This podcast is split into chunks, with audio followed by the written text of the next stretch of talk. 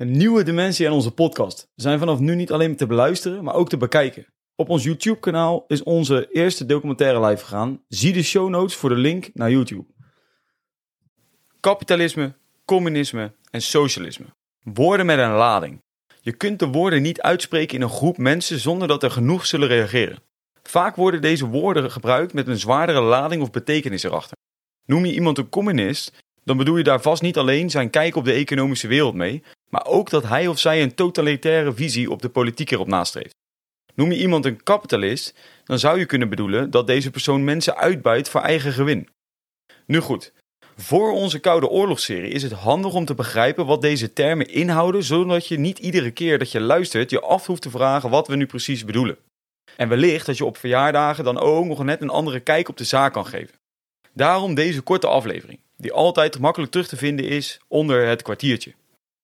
Je zou deze aflevering eigenlijk kunnen zien als de warming-up naar de warming-up van onze volgende serie. In onze serie Het kwartiertje nemen we jullie mee naar verhalen, veldslagen of gebeurtenissen die binnen de periode van onze series vallen. We zullen hierbij altijd de nadruk leggen op de onderwerpen die niet in onze huidige serie worden behandeld.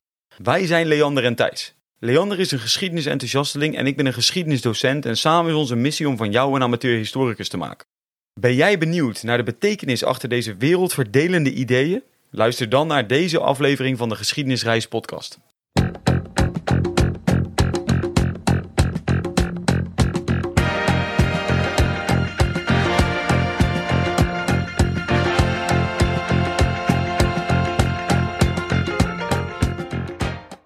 Laten we gelijk de diepte induiken om deze termen uit te leggen. We beginnen met de term kapitalisme. Kapitalisme is al een heel oud economisch begrip, dat sinds de 16e eeuw steeds meer is komen opzetten en ondertussen niet weg te denken is uit de wereld waarin we leven. Nederland heeft een grote impact gehad op het ontstaan van het kapitalisme zoals we dat nu kennen door bijvoorbeeld de VOC. Een interessant verhaal, maar niet één om nu te vertellen. Een economisch systeem dat is gekarakteriseerd door het in privé eigendom houden van kapitaalgoederen, door investeringen die bepaald worden door personen en prijzen, producten en de levering van goederen die worden bepaald door een vrije markt. Definities zijn vaak schitterend, maar niet altijd even duidelijk. Vandaar dat we hem nog even uit elkaar halen. Een economisch systeem is een manier waarop goederen rondgaan en erin gehandeld kon worden. Kortom, als ik een auto wil kopen, dan worden in een fabriek auto-onderdelen gemaakt. Die worden bij elkaar gebracht in een andere fabriek en verwerkt tot een auto.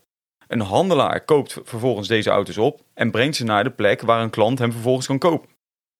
De zin, een economisch systeem dat is gekarakteriseerd door het in privé eigendom houden van kapitaalgoederen, heeft de term kapitaalgoederen erin zitten. Kapitaalgoederen zijn goederen die nodig zijn voor het produceren van ja, andere goederen. Dus in het voorbeeld van de auto, de middelen die nodig zijn om de auto-onderdelen te maken en de auto vervolgens in elkaar te zetten. Het stukje door investeringen die bepaald worden door personen en prijzen, producten en de levering van goederen die worden bepaald door een vrije markt, kan misschien makkelijker worden uitgelegd als mensen die rijk willen worden of geld willen verdienen door met elkaar in competitie te gaan in het verkopen van bepaalde goederen aan klanten.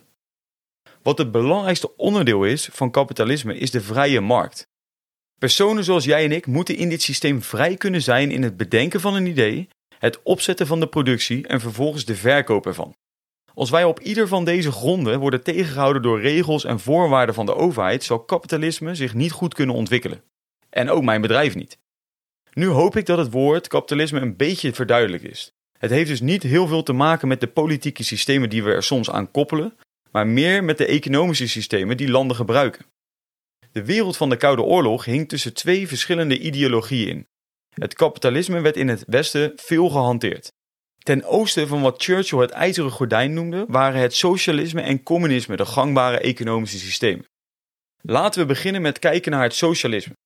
Een theorie of een systeem van sociale organisatie dat het eigenaarschap en de controle van de manier waarop goederen geproduceerd en verdeeld worden, kapitaal, land enzovoorts, in de handen legt van de gemeenschap in zijn geheel. Laten we even beginnen met de eerste paar woorden. Waarom is dit een theorie of een systeem en niet zoals het kapitalisme gewoon een systeem? Dit komt omdat deze theorie nog nooit in volledigheid in de praktijk is gebracht. Wel deels, daar gaat een heel groot deel van de Koude Oorlog natuurlijk om. Wellicht zouden we de definitie van socialisme beter kunnen vertalen naar iedereen in een gemeenschap is eigenaar van alles wat geproduceerd wordt en economische beslissingen worden daarom ook gemaakt door de gemeenschap als geheel. Het voorbeeld hier is, als ik een kleermaker ben en ik heb nieuwe schoenen nodig, dan kan ik deze schoenen afhalen bij de schoenmaker. De schoenmaker zal naar mijn kleermakerswerkplaats komen als hij een nieuwe broek nodig heeft. Zowel hij als ik betalen niet voor de goederen die we van elkaar krijgen, want alles wat wij produceren is toch van iedereen. Zoals gezegd is deze theorie nog nooit op deze manier in de praktijk gebracht. Karl Marx, een 19e-eeuwse filosoof, heeft flink nagedacht over het socialisme en het kapitalisme. In zijn ogen was het kapitalisme een verdorven economisch systeem dat ongelijkheid in stand hield. Hij dacht dat het kapitalisme uiteindelijk ten onder zou gaan en dat daarvoor in de plaats het socialisme zou opstaan. Marx zijn ideeën over socialisme en communisme zijn overigens totaal anders dan de uiteindelijke uitvoeringen daarvan die we in de wereld hebben gezien. Ik denk niet dat Marx trots zou zijn geweest op de situatie in de Sovjet-Unie of in China. Het woord communisme is nu net gevallen, dus misschien handig om daar ook even naar te kijken.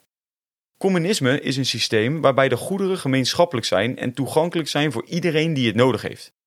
In zoverre lijkt het communisme heel erg op wat we net hoorden over het socialisme.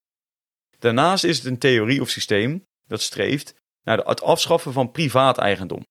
Dit betekent dat de jij en ikke van deze wereld niet zelf eigenaar kunnen zijn van een fabriek die auto's maakt om daarmee geld te kunnen verdienen. Al dit soort zaken wordt door de gemeenschap bepaald. Ook hier wordt gesproken over een theorie of systeem. Het communisme is zeker geprobeerd in bepaalde vormen. Maar we kunnen niet stellen dat dit ooit heel succesvol is geweest. Woorden slaan dan ook allemaal eigenlijk terug op economische ideeën die ervoor moeten zorgen dat armoede de wereld uitgaat. De basisideeën, ondanks dat de uitvoeringen soms de wensen overlaten, zijn eigenlijk bedacht uit goedheid. Voordat we deze korte introductie naar deze lastige thema's afsluiten, wil ik nog twee punten maken. Het eerste is dat we in de podcast deze termen vaak zullen gebruiken en daar soms ook een politieke lading bij doen. Communisme tijdens de Koude Oorlog stond ook vaak gelijk aan politieke onvrijheid. Gedurende deze periode kwam men erachter dat die twee niet zonder elkaar konden bestaan. Kapitalisme stond in de geschiedenis zeker niet altijd voor democratie. Zo had Nazi-Duitsland flink wat onderdelen van wat men kapitalisme noemt in het economische systeem van het land verwerkt. Maar Nazi-Duitsland had ook onderdelen van wat men meer toeschrijft aan het socialisme in dat systeem verwerkt. Zonder het verder toe te lichten kunnen we natuurlijk wel stellen dat Nazi-Duitsland niet op de bovenste treden staat als het gaat om democratie. Vaak zullen wij kapitalisme benoemen in de podcast en dan ook democratie en vrijheid van keuzes daarbij koppelen. En dat brengt mij op het tweede punt dat gemaakt moet worden. Er zijn eigenlijk vier economische manieren van goederenproductie. 1. De eerste, traditionele economie. Ruilhandel zonder geld dat de waarde van producten kan aangeven. De tweede, command-economie. Dit is de economie zoals de Sovjet-Unie hem heeft geprobeerd uit te voeren. Een top-down economisch systeem waarbij de regering bepaalt wie wat moet produceren en waar dat vervolgens heen gaat. Een markteconomie. Dit is eigenlijk een kapitalistische kijk op economie. Een bottom-up systeem waarbij de burger van het land zelf bepaalt wat hij wil produceren en hoe hij dit wil aanbieden aan klanten. En dan tot slot, de vierde, een mixed economie. Dit is een combinatie van de eerder genoemde drie systemen, zoals eigenlijk het voorbeeld van Nazi-Duitsland al liet zien. De meeste landen in de wereld hebben de laatste als economisch systeem. Onderdelen van de command-economie en van de markteconomie gemixt. Hierin leunen ze vaak naar één van beide kanten, wat wij vervolgens zwart-wit willen maken door het land kapitalistisch of communistisch te noemen. China is hier een mooi voorbeeld van. Een economie die zeker is gebouwd op een communistische basis, waarbij de overheid veel kan inmengen in het reilen en zeilen van bedrijven. Maar ook de markteconomie wordt in China gehanteerd. Wat wel duidelijk is, is dat puur communisme of socialisme en kapitalisme nooit door één deur kunnen. De verschillen tussen beide economische ideeën is daarvoor te groot. We zijn nu aan het einde gekomen van deze aflevering waarin we het kapitalisme, socialisme en communisme hebben geprobeerd te verduidelijken. Aanstaande woensdag komt aflevering 0 van de Koude Oorlogsserie online. Hierin zullen wij met jou de situatie na de Tweede Wereldoorlog bespreken. Hoe kwam het nu eigenlijk tot die Koude Oorlog? En wie zijn de hoofdrolspelers? Hoe ziet de wereld eruit waarin dit conflict zal ontbranden? En wat is nu eigenlijk precies een Koude Oorlog? Kortom, veel basisvragen met veel antwoorden, waarna we de week erna de Koude Oorlog echt gaan laten starten.